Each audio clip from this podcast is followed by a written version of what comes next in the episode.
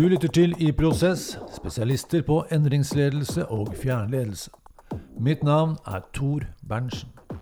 Verden er i endring, og vi er opptatt av å utvikle lærende organisasjoner som er i forkant av utviklingen i samfunnet. Fremtiden skapes av vanlige mennesker hver dag, og i denne podkastserien vil vi dele våre refleksjoner om hva slags fremtid vi ønsker. Med meg på telefonen i dag har jeg Geir Isaksen, konsernsjef i Vy. Velkommen, Geir. Takk skal du ha. Jeg er litt nysgjerrig. Er du på hjemmekontor, eller er du på kontoret? Jeg sitter på hjemmekontor. Dvs. Si jeg sitter på hytta mi ute i Son. Slik at jeg kan klare å kombinere litt uh, si, fritid og arbeid på en veldig fin måte, syns jeg. Det høres ut som en eh, bra kombinasjon.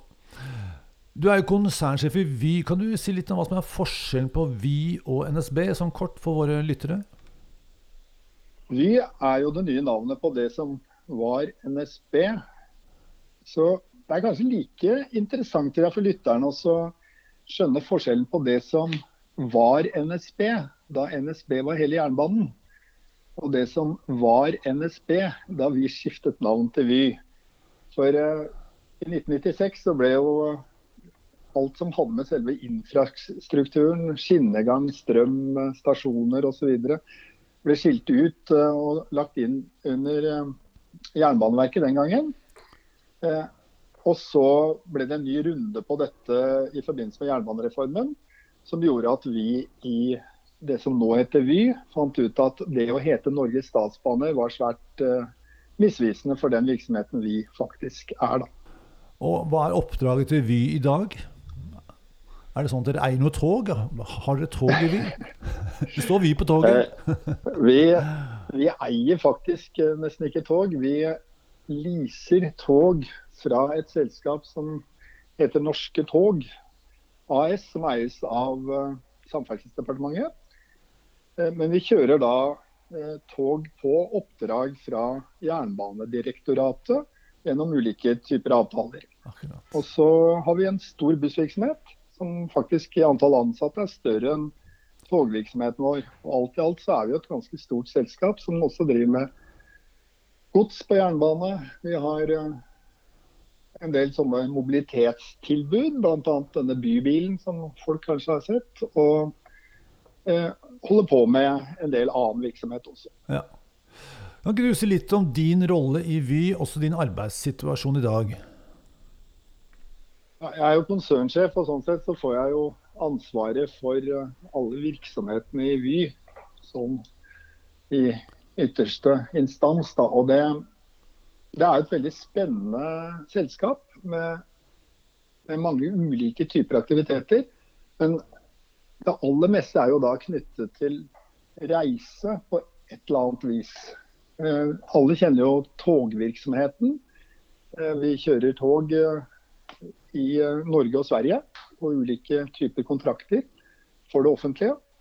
Vi har også en stor eh, bussvirksomhet. Vi har faktisk Norges største busselskap med med en stor virksomhet i Norge og også virksomhet i Sverige. Ja. Og så har vi uh, ulike andre aktiviteter som gjør at jeg må hele tiden bruke tida mi på å jobbe med mine nærmeste ledere, som da sitter ansvarlig for de forskjellige virksomhetsområdene innenfor Vy.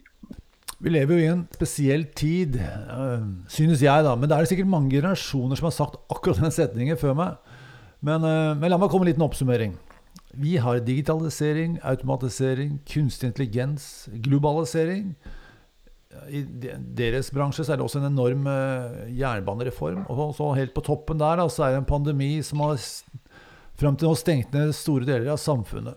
Det er jo den korte listen. Kan du si litt om hvordan dette preger Vy og, og din rolle? Før eh, covid-19 så ble jo transportsektoren pekt på som en av de sektorene som kom til å gjennomgå store forandringer eh, pga. en del av de tingene som du nevnte. Automatisering, eh, digitalisering. Eh, det, vil bli helt andre måter å sette sammen reiser på. Vi har diskutert privatbilens rolle i det framtidige reisemønsteret. Hvordan man kan reise mer miljøvennlig og samtidig få lov til å bevege seg fritt eh, rundt. Og vi har jo arbeidet mye med dette Vi prøver å sette sammen det vi kaller den beste reisen, ved at folk kan bruke offentlige reisemidler, kollektive reisemidler, og komme dit de skal på en, en god måte. Det betyr at vi må få ting til å spille mye bedre sammen. Uh, ulike tilbud, slik at uh, det blir den beste reisen, det å reise kollektivt. Og vi, vi, har hele tiden vært veldig opptatt av at det skal være enkelt å reise miljøvennlig, og det var den store utfordringen. Og vi så at dette var mye vi kunne gjøre her, og mange muligheter som følge av uh, både si, digitalisering opp mot kundene, hvordan de kan begynne å velge fritt i en lang rekke tilbud. Men også automatisering og et billigere kollektivsystem. Ja. Og Så kommer jo hele denne covid-19-situasjonen, som, eh, som gjør samfunnet vårt veldig annerledes i denne perioden her i hvert fall. Hvor det å reise kollektivt eh, jo blir eh, sett på som en viss risiko. Vi har myndigheter som sier at kan du unngå det, så, så prøv å la det være. Vi har mistet 90 av kundene våre i, i buss og tog. Og Det er jo ganske dramatisk. Så vi må jo skjønne hvordan vil dette virke på lengre sikt. Kommer folk til å komme tilbake? I hvilken form? Hvordan kommer reiseliv generelt til å se ut i dette landet? Og i verden for øvrig? Når vi er ferdig med denne pandemien, vil eh, folk ha blitt mye mer forsiktige? Vil vi legge mer vekt på de lokale reisemulighetene? Vil det påvirke det tilbudet vi skal gi? Eh, blir vi mer individualisert i måten vi reiser på igjen? Vil privatbilen få en renessanse? Altså det, denne type problemstillinger er veldig viktige for oss, og vi må skjønne det for å gjøre de riktige valgene nå. Hvis du ser veldig langt fram, la oss ta ti år, og, og se for deg det store bildet, hva slags framtid ønsker du deg for Vy og Norge? Er det mulig å si noe om det? Ta alle mulige forbehold og ombestemme deg i morgen hvis du vil det. Sånn, la oss spekulere litt rundt den mulige eller ønskede framtiden. Ja, vi, vi, har vært veldig tydelige på at vi ønsker et samfunn hvor uh, man kan reise miljøvennlig på en enkel og attraktiv måte. Og at det skal være vårt bidrag til et samfunn som blir mer bærekraftig. Vi, vi tror jo, og det tror jeg veldig mange i Norge er enige om, at uh, vi må løse klimautfordringene. Og de må bl.a. løses i transportsektoren ved at vi vi reiser mer kollektivt, vi bruker mindre fossil energi i eh, det å forflytte oss. Og samtidig så må det være en attraktiv måte å reise på. Altså. Ja. Så jeg har en, eh, en, slags eh, statistikk som jeg har brukt et par ganger. Hvor forskere har spurt menigmann om de er opptatt av miljøvern, miljøhensyn, klimapolitikk osv. Og, og 95% av oss sier ja, det er vi. Det er viktig for oss. Men når vi kommer til konkrete valg, hvordan vi bruker pengene våre for å reise, så er det kanskje 5-10% som velger noe annet enn det som er mest gunstig for dem. Og Da må vi gjøre den miljøvennlige reisa gunstig. Ja. Det synes jeg er, det er liksom hele kjernepunktet i det vi, vi prøver å oppnå. At det skal være enkelt og attraktivt å opptre miljøvennlig. Jeg tror vi må dit. altså. Og Så må det selvfølgelig også være et valg hos den enkelte. Men, men eh, det er en veldig motiverende tanke det der. altså Gjøre den riktige måten å reise på, gjøre den attraktiv. Det, det, ønsker vi å få til. Og så er det et godt stykke fram til at den er det. da, fullt ja. ut. Jeg får to assosiasjoner. Det ene er at um, eh, Vy og den type reiser som dere kan tilby, som er mer sammensatte reiser, eh, med kanskje sykkel, bil, tog, buss i, et, i en sånn helhetlig reise, at den blir den billigste og kanskje raskeste reisen, eller at andre alternativer blir borte. Altså at privatbilismen forsvinner. Eh, kan du si litt om det? Hva ser du for deg der? Jeg tror vi kommer til å ha en kombinasjon av eh, privatbiler og offentlig kommunikasjon. Offentlige transportmidler eller ulike typer. Det kan også være rent kommersielle tilbud som etter hvert blir ganske attraktive.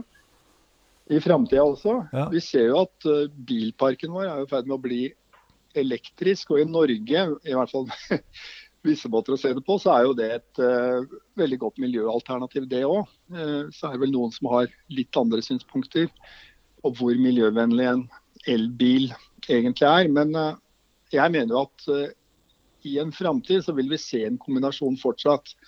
Men for mange så vil det være hensiktsmessig og økonomisk riktig å klare seg helt uten privatbil. Men da er det jo viktig at de også har et godt tilbud, f.eks. når de skal på ferie eller de skal på hytta si, eller hva de nå skal gjøre. Utenfor den daglige drifta, liksom. At, at, det også både er mulig og attraktivt.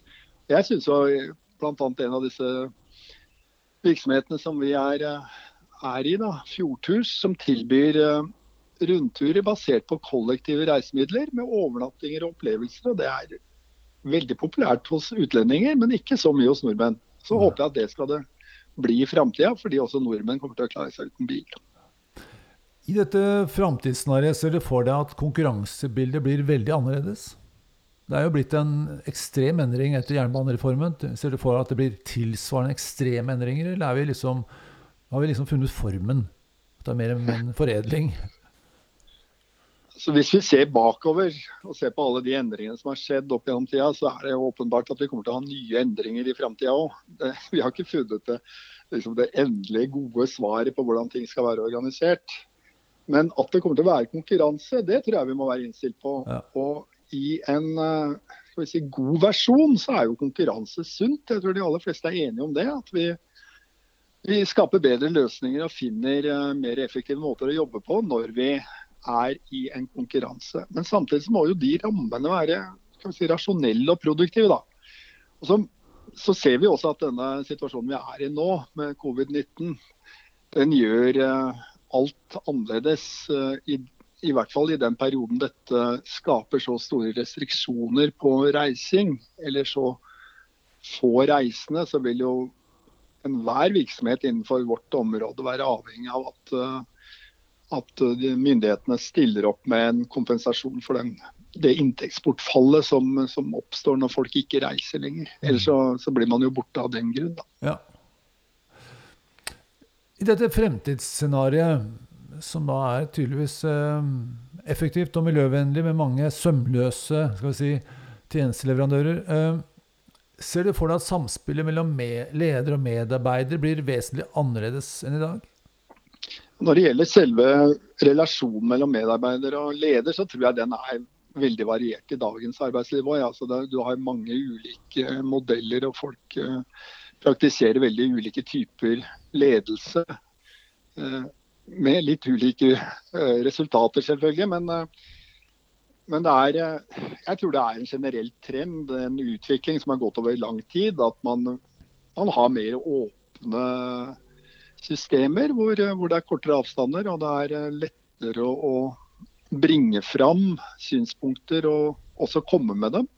Og at man er mer velkommen med både si, kritikk og, og, ideer, hvis det bare er si, innenfor en konstruktiv ramme. Ja. Eh, når det gjelder arbeidsformen eh, sånn rent fysisk, så jo, har vi jo hatt en aha-opplevelse av en helt annen verden gjennom denne covid-19-erfaringen vår. Eh, vi har jo prøvd å modernisere arbeidsverktøyet vårt gjennom eh, flere år. Og innfører selvfølgelig med alle mulige pedagogiske hjelpemidler og sånn. Eh, hjemmekontor og møteformer på, på nett og sånn. Og Så kommer covid-19, og så tar det altså to timer, så kan alle Teams. Og alle kan bruke på en helt måte. Altså, motivasjonen var jo der på en sånn måte at det vi trodde skulle være vanskelig, det var jo ikke vanskelig i det hele tatt. Og folk brukte det fra dag én. Så, så, det der kommer vi nok til å ta med oss videre. Og så, så merker jeg også at i enkelte sammenhenger så, så er ikke dette bra nok. Altså, vi må kunne utfordre hverandre i en, en, setting hvor vi møtes og kan være, være sammen med litt andre forutsetninger enn det en, en digitalisert eh, samværsform eh, gir oss. Da. Ja. Nei da, så Digitalisering er kommet for å bli, men det er ikke det eneste måten vi skal kommunisere på. Det er helt sikkert. Du, eh, det er mulig jeg er litt spent på hvordan du skal svare på dette spørsmålet her, så vi får se. Hva gjør du for å sikre at du fortsetter å vokse og utvikle deg som leder? Ehm, hva tenker du om det? Du har jo en uh, tanker om framtiden. Ja, jeg har jo det. Altså, vel min situasjon er jo sånn at jeg eh, i november eh, ga beskjed til styret mitt om at nå kunne jeg tenke meg å tre tilbake. Og har en avtale om at jeg sitter i denne rollen fram til styret har fått på plass en ny, som da tiltrer. Så det Jeg er jo en slags avslutningsfase. og sånn sett så kunne man jo tenke seg at da var det ikke så veldig viktig at man uh, utvikla seg. Men jeg tror det må ligge i den enkelte altså en, en driv til uh, å bli bedre, til å lære mer, til å skjønne både virksomheten og de folkene man jobber med bedre og bedre. Eh, det må liksom være en del av din eh, kontrakt, mm. syns jeg, med, med, omgivelsene for at, skal, at, du skal lykkes som leder og at du skal utvikle deg. Ja. Uh, og da, da, slutter du ikke med det, selv om du begynner å nærme deg pensjonsalderen. Altså det, det er liksom en del av det du ser er nødvendig for i det hele tatt trives og ha det bra som, som leder og som menneske. Ja, det var godt å høre. Du, Vikingene mente at et godt ettermæle var det viktigste av alt. Man skal utføre minneverdige bedrifter i løpet av karrieren. Da lurer jeg på, hvilke minneverdige bedrifter eller ettermæle har du et ønske om at skal følge etter ditt lederskap? Jeg tror vi skal være ganske nøkterne når det gjelder eh, hvor, hvordan ettermælet vårt blir. fordi de aller fleste av oss blir faktisk glemt eh, ganske fort. Det er forbausende hvor raskt eh, en avgått leder nettopp er det. Altså, Da er han avgått, og så husker folk ja, ja, det var vel en hyggelig fyr. Men eh, hva han gjorde eller hun gjorde, og, og sånn, det, det, er ikke så veldig lett å få noen gode svar på. Så jeg vil si jeg vil, jeg vil være veldig glad og fornøyd hvis en god del av de menneskene jeg har jobba sammen med, ser tilbake på vårt samarbeid med glede da. Og at vi syns vi har fått til noe. Da er jeg fornøyd. Og så får det vel bli en diskusjon, tror jeg, som uh, kan få ulike utfall. Hvorvidt uh, alt, alt, det jeg bidrar til har vært så veldig gunstig. Det er nok noen som mener både det ene og det andre om det.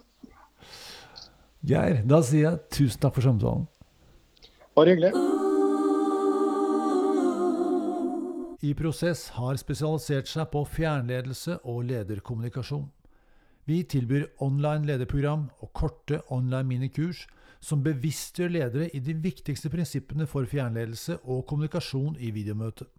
Målet er superledelse å hjelpe medarbeiderne til å lede seg selv. Du finner mer informasjon på iprosess.no. slash lederprogram.